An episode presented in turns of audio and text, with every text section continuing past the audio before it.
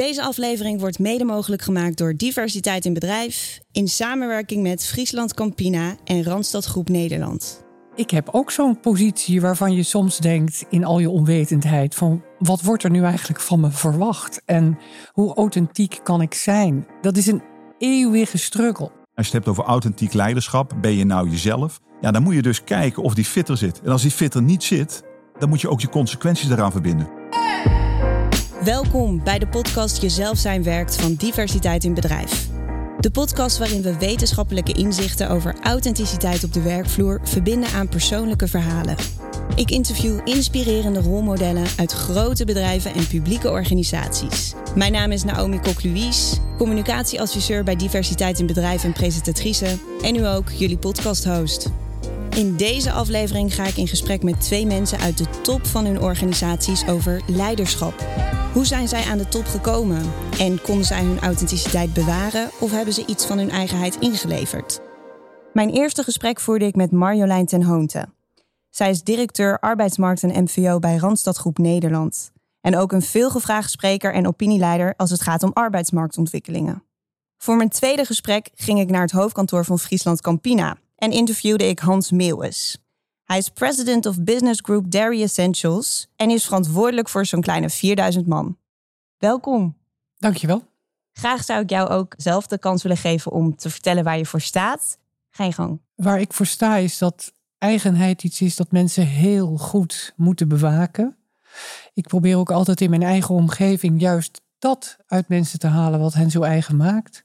Omdat ik erin geloof dat gemengde teams uiteindelijk de maatschappij en organisatie en ons allemaal het meeste oplevert. Ja, als ik kijk naar, eh, naar leiderschap, dan kijk ik toch heel erg wat mijn eh, persoonlijke purpose is. En dat is om impact te hebben, om zaken beter te achterlaten dan ze zijn. En om te zorgen dat de mensen waar je mee samenwerkt, dat ze gepositioneerd zijn om op hun best te zijn. En ook om het maximale eruit te halen. Eigenheid, gemengde teams. Daar gaan we zo meteen verder op in. Ik begin altijd met de vraag: wie is jouw rolmodel? Ja, dat, dat verschilt. Ik heb uh, diepe bewondering voor Michelle Obama voor de manier waarop zij uh, de buitenwereld laat weten. Alles kan. Alles is mogelijk. En tegelijkertijd ben ik vriendin geworden van de Syrische vluchtelingen. Waarvan ik denk, jeetje, wat een rolmodel is dat. Dus het varieert in wat ik in mensen zoek als rolmodel. En dat is eigenlijk altijd, ga je uit van jezelf, kijk je goed om je heen, Maak je handig gebruik van anderen die je bij dingen kunnen helpen. Zoek je verbinding. Dat is wat mijn rolmodel is. En die vriendin van jou die uit Syrië is gevlucht, waarom is dat dan een rolmodel voor je? Nou, met helemaal niks hier komen, alles achter je laten en dan niet naar worden of op anderen afgeven, maar juist denken, heel optimistisch. Ik ga er tegenaan. Ik ga wat van het leven maken. Wat achter me ligt is niet belangrijk. Wat voor me ligt, dat telt. En hoe doet ze dat? Fenomenaal. Wie is jouw rolmodel? Mijn rolmodel? Ja, goede vraag. Kijk, ik geloof dat je van iedereen wel iets kan leren. Als ik naar mijn, mijn leiders kijk, mensen waar ik mee heb samengewerkt, daar zitten altijd mooie punten in waar ik iets mee kan. Dus ik heb niet echt een rolmodel. Ik was wel weer geïnspireerd door een boek wat ik laatst heb gelezen van Michaela da Prins. Eh, dat is die ballerina, komt uit Sierra Leone. Had eigenlijk helemaal niks. Vader vermoord, moeder overleden, in een weeshuis gezeten, als weeskind opgenomen door een Amerikaans gezin, maar had wel iets gezien waardoor ze geïnspireerd was. En dat was een foto uit een blad waarin ze een ballerina zag. En ze zei, dit is mijn droom, dit wil ik ook. En daar heeft ze vastgehouden. Vervolgens hebben haar pleegouders hebben haar gepositioneerd dat dat potentie eruit kwam. En heeft ze alles, maar dan ook alles aangegrepen om succesvol te zijn en om ervoor te gaan. En nu zit ze in het Nationale Ballet. Zwanen meer gedanst, alle mooie dingen gedaan. Ja, als ik zoiets lees, en dan weet ik niet wat een rolmodel is, maar daar zit zoveel in. Van hoe je gewoon naar het leven moet kijken en met alle beperkingen die je had waar je vandaan komt, alle opportunities aanpakken en het maximale eruit halen. Nou, dat inspireert en daar haal ik ook energie uit. We gaan vandaag dus in op authenticiteit en met name authentiek leiderschap. En dat doen we aan de hand van een interview wat ik heb afgenomen met professor Taris. En hij is hoogleraar arbeids- en organisatiepsychologie aan de Universiteit Utrecht. En hij weet heel veel over authenticiteit op de werkvloer. Laten we beginnen, zal ik zeggen. Mijn overtuiging bijvoorbeeld is dat leidinggevenden over het algemeen niet authentiek zijn. Dat wordt vaak gemeten of dat wordt altijd onderzocht in termen van de percepties van de mensen die naar die leider kijken. Dus de medewerkers moeten aangeven van ik kijk naar mijn leider en ik heb het idee dat die persoon helemaal zichzelf is. Maar als ondergeschikte heb jij geen idee wat er in het hoofd van die leidinggevende met jou gebeurt. Dus een, een goede, authentieke leidinggevende die hoog scoort op authentiek leiderschap zou best heel authentiek kunnen zijn, maar het kan ook een geweldig toneelspeler zijn. Ja, er is nogal een quote. En hoe waar? Ja. Is het waar? Nou ja, kijk, ik heb ook zo'n positie waarvan je soms denkt in al je onwetendheid van wat wordt er nu eigenlijk van me verwacht en hoe authentiek kan ik zijn en op welke manier reageren anderen op deze authenticiteit en kan ik me beter even op een andere manier voordoen dan ik nu ben. Dat is een eeuwige struggle. Dat is eeuwig de vraag die je jezelf moet stellen. En het mooie aan heel ervaren worden is dat je steeds dichter bij je eigen ik komt. En kun je zo'n situatie noemen waarin je dan ja, zo'n struggle had? Dat je dacht van, nou ja, nu kan ik misschien beter niet dit aspect van mezelf laten zien. Ah, ik weet nog heel goed dat ik de allereerste ochtend dat ik benoemd was tot districtsmanager, een vraag kreeg van een van mijn collega's, die tot dan toe ook mijn collega in het team geweest was. Maar ineens was ik de leider van de PEC. En toen dacht ik, oh, ik vind dit gewoon een hele stomme vraag. Ga ik dat nou zeggen? Of ga ik in mijn stoel zitten, een beetje directeur doen. Ja, en toen heb ik voor dat laatste gekozen. En ik weet het nog heel goed en ik weet ook nog heel goed hoe suf het was. En dat is leren. Herken je dat, wat Marjolein zegt? Eh, nou, die eigen ik, zeker. Kijk, ik denk dat je, en je leert dat door schade en schande, je moet niet te veel concessies doen aan jezelf. En wat essentieel is om succesvol te zijn, is je moet zo gepositioneerd zijn dat je at your best bent. Je moet er gewoon voor zorgen dat je can play at your strengths. En soms gebruik ik wat Engelse woorden, sorry. Ja, dat, dat is de voertaal bij Friesland Campina volgens mij. Ja, we mixen het een beetje. Oh, maar, uh, ja.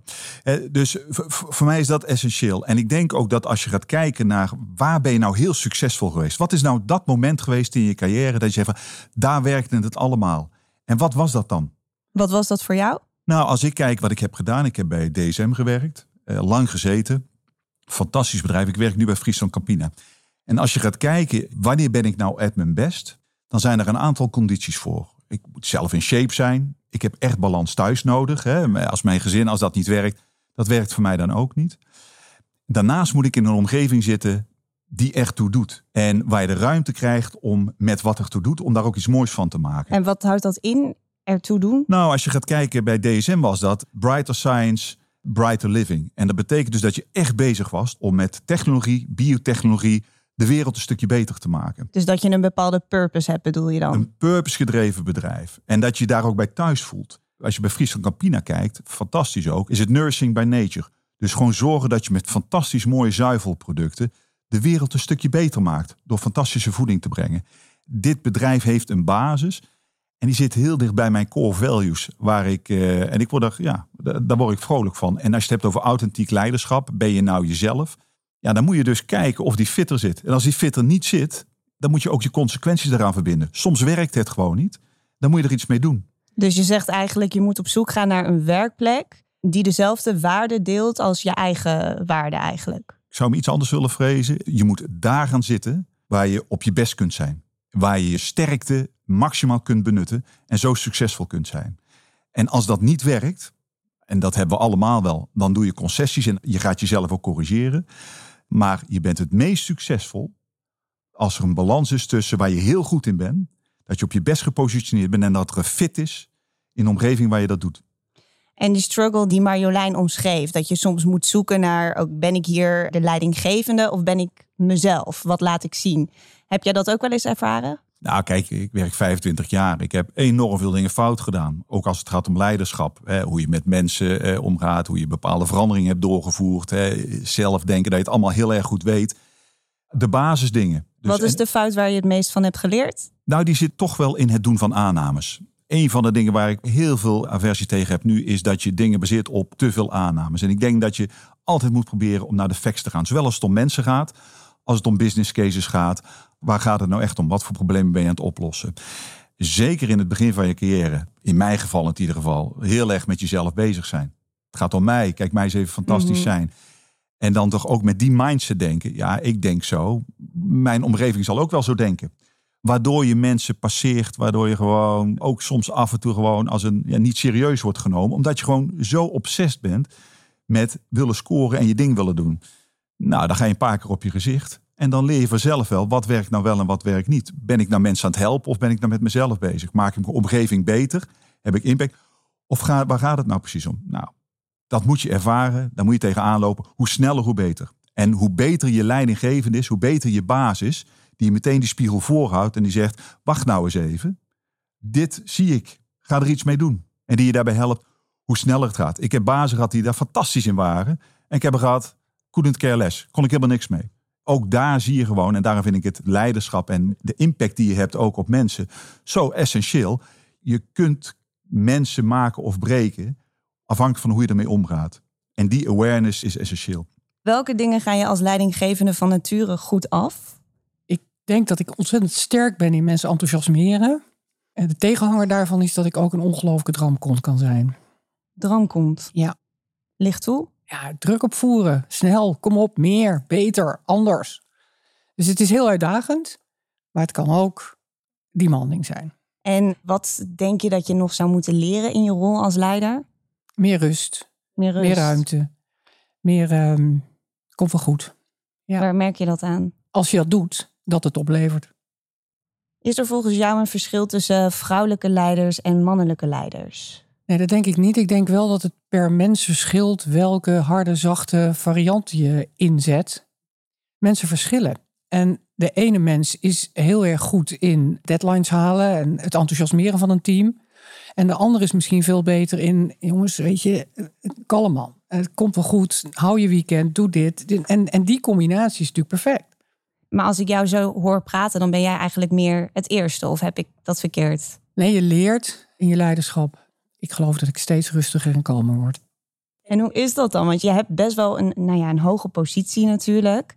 Er is veel gezegd over dat er gebrek is aan vrouwelijke leiders in de top. Merk je dat dat je een van de weinige vrouwen bent in die positie en hoe is dat? Ja, ik werk bij een bedrijf waar heel veel vrouwen werken. Dus ik, ik bevind me in de gelukkige omstandigheid dat er ook redelijk wat vrouwen om mij heen zijn. Maar door de bank genomen zie je natuurlijk dat het nog wel meevalt. En dat is het. Ja, daar, daar hebben we met elkaar aan te werken. En dat is ook de reden dat ik denk dat je daar als vrouw een bijdrage aan kan leveren. Dat je kunt laten zien dat in zo'n team en in de omstandigheden waarin je bent, je heel goed met elkaar kan werken. En dat hoeft niet alleen over vrouwen te gaan, dat kan over allerlei eigenschappen gaan. Dat vind ik zo moeilijk aan uh, inclusiviteit, dat het over veel meer eigenschappen gaat dan ben je feminin of masculin. En op welke manier lever je daar zelf een bijdrage aan, aan een meer inclusief werkklimaat? Door heel goed op te letten hoe ik zelf door mijn witte vrouwelijke ogen naar de ander kijk en me te mhm. betrappen op patronen die ik uh, moet doorbreken. En dat vind ik heel uitdagend. Ik vind het soms ook heel zuur om te merken dat ik zo in elkaar zit. Maar op het moment dat je jezelf daar bewust van bent en daar ook met anderen over spreekt, dan gaat er een wereld voor je open. Dat vind ik echt heel mooi. Kun je een voorbeeld noemen van iets waar je uh, recentelijk bewust van bent geworden? Ik vind het heel lastig om dat in één voorbeeld te vatten. Ik ben me ongelooflijk bewust van het punt waar je van vertrekt, waar je wieg staat, waar je opgroeit, waar je dat maakt allemaal dat je op een bepaalde manier naar de wereld kijkt. En de wereld is echt anders. En mhm. dat is de uitdaging. Dat is wat ik probeer steeds in een soort. Ik zei dat volgens mij in het voorgesprekje ook. Dat je einde van de week denkt: hoe heb ik het nou eigenlijk gedaan? Maak ik mijn mind op? En dan, ja, daar leer je van. Door die innerlijke dialoog te voeren op: heb ik in of uitgesloten? Heb je een vast moment in de week dat je je dat afvraagt? Ja, mijn vrijdagmiddag. Zo uh, half zes, zes uur, dan maak ik mijn week op. Ja, elke week. En hoe doe je dat dan? Nou, rustig voor me uit. En ik heb een paar onderwerpen die ik voor mezelf na wil lopen. En uh, dit is er één. Heb je dan een, een, boekje of zo waar je dat dan in opschrijft? Nee, ik heb geen boekje. Nee. Gewoon in je hoofd. Ja. Even reflecteren. Ja. Ik denk dat we doorgaan naar het volgende fragment. Het punt is, bepaalde rollen, bepaalde posities en organisaties vereisen bepaald gedrag. Mensen worden ook geselecteerd voor die posities op de een of andere manier op basis van de prestaties, van hun functioneren in andere rollen je zult vaak zien dat mensen hogerop komen en daar voor die posities, de hogere posities, worden geselecteerd door anderen. Door jou, jouw baas bijvoorbeeld, of de baas van jouw baas. Um, mensen zoeken over het algemeen, blijkt ook uit onderzoek, naar mensen die op hen lijken. Dus wat je krijgt is dat je misschien begint met een hele brede basis, een hele diverse basis van mensen met verschillende normen, verschillende waarden, verschillende gedragingen. Je ziet vaak dat het, het soort mensen dat boven komt drijven in een organisatie, dat die veel eenvormiger zijn dan aan de basis het geval is. Die mensen gaan op elkaar lijken. Zie je dat ook bij Randstad Groep Nederland? Dat heet vorming van monoculturen. En wij zijn heel trots op dat wij allemaal diep blauw gekleurd zijn. En dat heeft voordelen. Maar dat heeft ook het grote nadeel dat je weinig diversiteit in denken en doen hebt. Wat is diep blauw gekleurd zijn? Ja, dat noemen wij zo. Dat is, dat is de kleur van je logo. En uh, we zijn blauwe mensen, zeggen we dan. Ja. Oké, en wat houdt dat dan in? Dat je een randstadter bent. En dat is een heel vastomlijnd iets. En de vraag is dus of iemand die anders is of van buiten komt, zich daaraan moet aanpassen. Of zegt, ik kan mijn eigenheid behouden. En dan moet je als organisatie op gaan letten dat je die eigenheid van mensen de ruimte blijft geven. En dat is ook een heel belangrijk issue in ons bedrijf. Want dat hebben we in feite nodig. Het, nadeel van een monocultuur is dat je elkaar zo goed begrijpt dat er bijna geen ideevorming of zo meer kan opstaan dat niet in je straatje is. En je hebt mhm. juist uit je straatje denkers en doeners nodig om vooruit te komen in de wereld. En uh, dat is de grote keerzijde van het zo goed met elkaar kunnen vinden. Het heeft ook veel voordelen, denk ik. Maar een half woord nodig hebben is daar een van de dingen in. Dus het lijkt in eerste instantie, denk ik ook, nee, ik weet het zeker, dat dingen meer tijd kosten. Of dat je elkaar niet snapt. Of dat je het er beter over moet hebben. En toch ben ik ervan overtuigd dat dat je meer oplevert. Maar ben u toch wel heel erg benieuwd naar die randstadder? Want nou ja, omschrijf eens zo'n typische randstadder. Wat voor eigenschappen heeft zo iemand? Dat is een doener. Dat is iemand die heel optimistisch is, snel, eh, commercieel, een echte dienstverlener. Dus het zijn matchers. Op het moment dat je zegt, goh, ik heb zin in een slokje water, dan staat het al voor je neus. Dat is ons bedrijf. Er zijn dienstverleners. Is er bij Friesland Campina ook sprake van zo'n monocultuur waar Marjolein het over heeft? Laat ik vooropstellen dat diversiteit een lifeline is waarmee je succesvoller zult zijn. Als je dan gaat kijken, is dat een uitdaging voor ons? Ja, dan is het antwoord is, is zeker ja. Kijk, ik denk dat wij vanuit historie zijn wij een Nederlands bedrijf. Met een waanzinnige entrepreneurial geest om op zoek te gaan naar nieuwe mogelijkheden in verre landen. Maar we, we zijn een coöperatie met een hele sterke Nederlandse basis. En als je uit China komt en je komt hier werken, in ons hoofdkantoor hier in Amersfoort, waar zo'n 1700 mensen zitten, dan zal je eerste gevoel toch zijn dat voelt best Hollands aan. Ondanks dat wij wel echt staan voor diversiteit, gewoon echt multicultural. Eh. Maar ik denk dat we nog steeds een dominante Dutch-Nederlandse as hebben. En daar zijn we hard mee aan het werk om dat op een ander niveau te krijgen. Zowel vanuit gender als vanuit nationaliteit. Uh, we hebben onze agenda hebben gedefinieerd. En ik denk dat we een hele mooie slag hebben gemaakt. Maar dat moet verder. En wat is dat Hollandse dan, als je dat gebruikt om de cultuur te omschrijven? Nou, deels taal. Dus gewoon, je staat er niet bij stil. Maar als jij Hollands praat en je bent niet, dan, dan is het heel vervelend. hè? Want je, je, je voelt je niet included hè, in, in zoiets.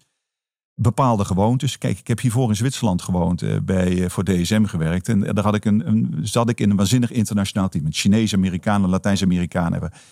Dat is echt werken. Dat gaat niet vanzelf. Daar moet je dus, als je daar op je hol, met je van je eigen, van zo doen we het toch in Nederland. Dat werkt gewoon helemaal niet. Dus daar moet je echt investeren in. Maar als je dat goed doet, kom je tot een betere besluitvorming. Nou, ik denk hier zie je nog veel gewoon Nederlandse teams. En dat voelt ook gewoon best makkelijk. Ik ben zelf 53. Als ik met een groep van Nederlandse mannen eind 40, begin 50 zit, die allemaal een beetje ongeveer in dezelfde fase, dan, dan is het best snel schakelen, is best makkelijk. Je zit al heel vaak toch, nou ja, zo doen we dat toch. Ja, zo doen we dat toch. Is dat het beste besluit? Nee, waarschijnlijk niet het beste besluit, maar het is wel makkelijker. En persoonlijk, en misschien daar, daar volgens mij hoor ik een monocultuur. Ja, ik denk dat je als leider moet streven naar een gezonde, diverse balans in je team en de mensen om je heen, die complementair zijn. Over het algemeen is dat we harder werken, maar heeft dat wat betere resultaten. En zie je ook dat de vloer dus heel erg divers is en dat het steeds eenvormiger wordt in de top? Ja, in zekere zin. Maar dat heeft er ook mee te maken dat de basis veel breder is dan de top. Dus je, mhm. je, dat gaat, als het om aantallen gaat, is dat zo. Als je kijkt naar de diversiteit, dan werk ik bij een bedrijf waar dat redelijk goed verdeeld is. Maar we zien wel dat we aandacht moeten hebben voor de pijplijn. Dus wie is er nou vanuit die basis die ook daadwerkelijk doorstroomt naar plekken in de organisatie die we dan top noemen. Dat is eigenlijk wel heel bijzonder. Daar heb je oog voor te hebben. Dus hoe emancipeer je zeg maar, je eigen medewerkers zo dat ze in staat zijn om hun vinger op te steken en te zeggen: Ik heb eigenlijk wel de ambitie om door te groeien in deze organisatie. En dat is iets wat je heel goed in de gaten moet houden en waar ik denk ik ook het hele HR-apparaat op ingesteld moet zijn. Herken je dat, wat Marjolein zegt? Kijk, als je in onze top gaat kijken, dan ga je kijken naar ons executive team. Hoe divers is dat? Daar hebben we eh, zeker verschillende nationaliteiten zitten. Daar hebben we ook, denk targetwijs, hebben we een target van 30% aan gender diversity zitten. Dat hebben we ook in de top zitten. Maar we zijn er gewoon nog niet. En we hebben een heel mooi platform. Ik ben ook sponsor van onze diversiteitsagenda voor Friesland Campina. Ik vind gewoon dat we een heel mooi bedrijf en een hele mooie baas hebben. Maar het is gewoon nog niet goed genoeg. Op welke manier probeer je daar zelf als leider een bijdrage aan te leveren? Nou, ik vind voor diversiteit, kijk, ik vind inclusie misschien nog wel belangrijker dan diversiteit zelf. Want iedereen is anders. Iedereen heeft een andere mind ook. En de, de kracht van inclusie is zorgen dat er een omgeving is waar mensen gepositioneerd zijn zich thuis te voelen. En echt gewoon op hun best te kunnen performen. Dat is voor mij prioriteit één. En zelf toen ik in deze rol begonnen ben, ik ben nu 2,5 jaar uh, leid ik deze divisie. Toen ik hier begon, ben ik heel erg begonnen met open dialoogsessies. Ik heb denk 12, 1300 mensen gesproken. In ronde tafelsessies, uh, gewoon in tafel, bij fabrieken, in Wageningen, hier in kantoor. Om mensen één, helderheid te geven waar we voor staan. Twee is het gevoel te geven dat ze echt toe doen. Dat we dit echt gezamenlijk moeten doen. En te kijken waar zitten bottlenecks om gewoon succesvol te kunnen zijn. Of dat nou in een fabriek is of in een kantooromgeving is. En dat hebben we eigenlijk doorgezet. En je ziet dat toen de COVID begon, de crisis begon eh, in maart. Toen hebben we dat eigenlijk op een hoger niveau getrokken. Dus we hebben eigenlijk gezegd, in deze situatie gaan we dat op een nog hoger niveau trekken. Dat mensen die in een andere omgeving ineens moeten werken, toch het continu het gevoel te geven dat je erbij hoort. We horen bij elkaar, we staan er samen voor. En we gaan het ook samen doen. En dat, eh, we doen wat surveys om te kijken hoe wordt erop gereageerd. En ik hoor het ook in de gesprekken die ik heb. Ja, dat is enorm krachtig. Dus dat, dat inclusiestuk is voor mij eigenlijk de basis. En, da, en daar werken we hard aan. En dat is ook de enige bodem waarop diversiteit kan groeien. En hoe zorg je er dan voor dat als er dan dus iemand binnenkomt die daar niet op lijkt, dat hij toch de ruimte krijgt om zichzelf te zijn? En dat is nou de grote vraag. Op welke manier sluit je in of sluit je buiten? En daar zullen, zal onze organisatie, daar is elke organisatie zich ontzettend bewust van dat gemengde teams je opleveren. Dus dat je vanuit je monocultuur moet kijken op welke manier je daar dan mee aan de slag gaat. En wij doen dat als het gaat om culturele diversiteit samen met de VU. Omdat ik erachter kwam dat je een hele hoop voornemens kan hebben, maar dat je cultuur bepaalt welke interventies er nodig zijn om ook daadwerkelijk aan dit onderwerp eh, beter te kunnen werken dan je tot nu toe gedaan hebt. Zijn er al inzichten uit voortgekomen? Ja, ik weet alleen niet of ik die al echt mag delen. Maar een van de belangrijke dingen is dat de eigen culturele veerkracht van mensen en cultureel leiderschap, dus leiderschap dat insluit in plaats van buitensluit, dat zijn eigenlijk de kernpunten van dat onderzoek wat nu komt bovendrijven. En wat houdt dat dan in? Dat die leiderschap die in of uitsluit? Nou, dat is dus de bril waardoor je vanuit je eigen authenticiteit naar anderen kijkt. Je bewust bent van het innerlijk mechanisme. En je dan ook openstelt voor dat gevoel. Hè? Dus mhm. bewust onbekwaam durven zijn in... hé, hey, wat ik nu eigenlijk doe is iemand op basis van wat dan ook in of uitsluiten. Dus dat is eigenlijk als eerste stap. Een inclusief leider, die is reflectief en die, die laat ook dat ongemak toe. Exact. En wat je meneer Taris ook hoorde zeggen, is dat mensen vaak mensen selecteren die op hen lijken. Ja. Nou vertelde je zelf net dat je best wel reflectief bent, dus dat je daar iedere week over nadenkt. Maar bouw je ook interventies in om jezelf zeg maar scherp te houden van of je inderdaad niet iemand selecteert op basis van of je een klik met diegene hebt of dat dat dan echt alleen maar heeft te maken met de competenties? Ja, kijk, we hebben natuurlijk in de organisatie daar allerlei interventies op te bouwen. Dus je moet elkaar bij de les houden. Wie, mhm. wie spreekt iemand? Hoe ziet dat team eruit? Is dat een gemengd team wat, een, wat iemand anders spreekt? Op welke manier zijn je advertentieteksten gemaakt? En dat heeft onze volle aandacht. En kun je daar een voorbeeld van noemen van wat werkt? Nou, ik vind dat samen met anderen dergelijke gesprekken doen helpt enorm. Omdat je dan elkaar bij de les houdt op... hey, gaan we nou het weggetje in wat we niet in wilden slaan of wel? Dan zijn we aan het eind gekomen van de podcast. Marjolein, ik zou je nog graag een tip willen vragen aan werkgevers... om authenticiteit te bevorderen in de top. Ben authentiek. Zelf authentiek zijn. Ja. En hoe doe je dat zelf? Ja, elke dag weer. Zorgen dat dat wat je ziet is schoon aan de haak, Marjolein. Hoe creëer je ruimte voor verschil in het hoogste segment van het bedrijf? Hoe creëer je ruimte voor verschil? Ja, door de juiste mensen aan te nemen. En hoe doe je dat als je geneigd bent om mensen aan te nemen die op je lijken? Ja, dat is wel een hele principiële vraag. Met alle changes die ik ooit heb gedaan. We hebben een waanzinnige transformaties, ook op gebied van Capine hebben doorgemaakt.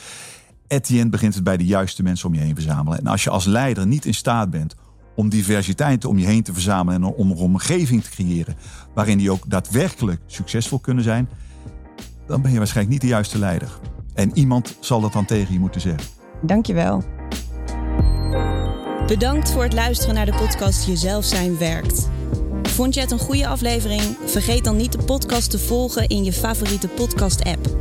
Deze podcast is gemaakt voor Diversity Day. Dat is de dag waarop bedrijven in Nederland de kracht van diversiteit vieren. Ook meedoen op 6 oktober? Ga dan naar diversityday.nl.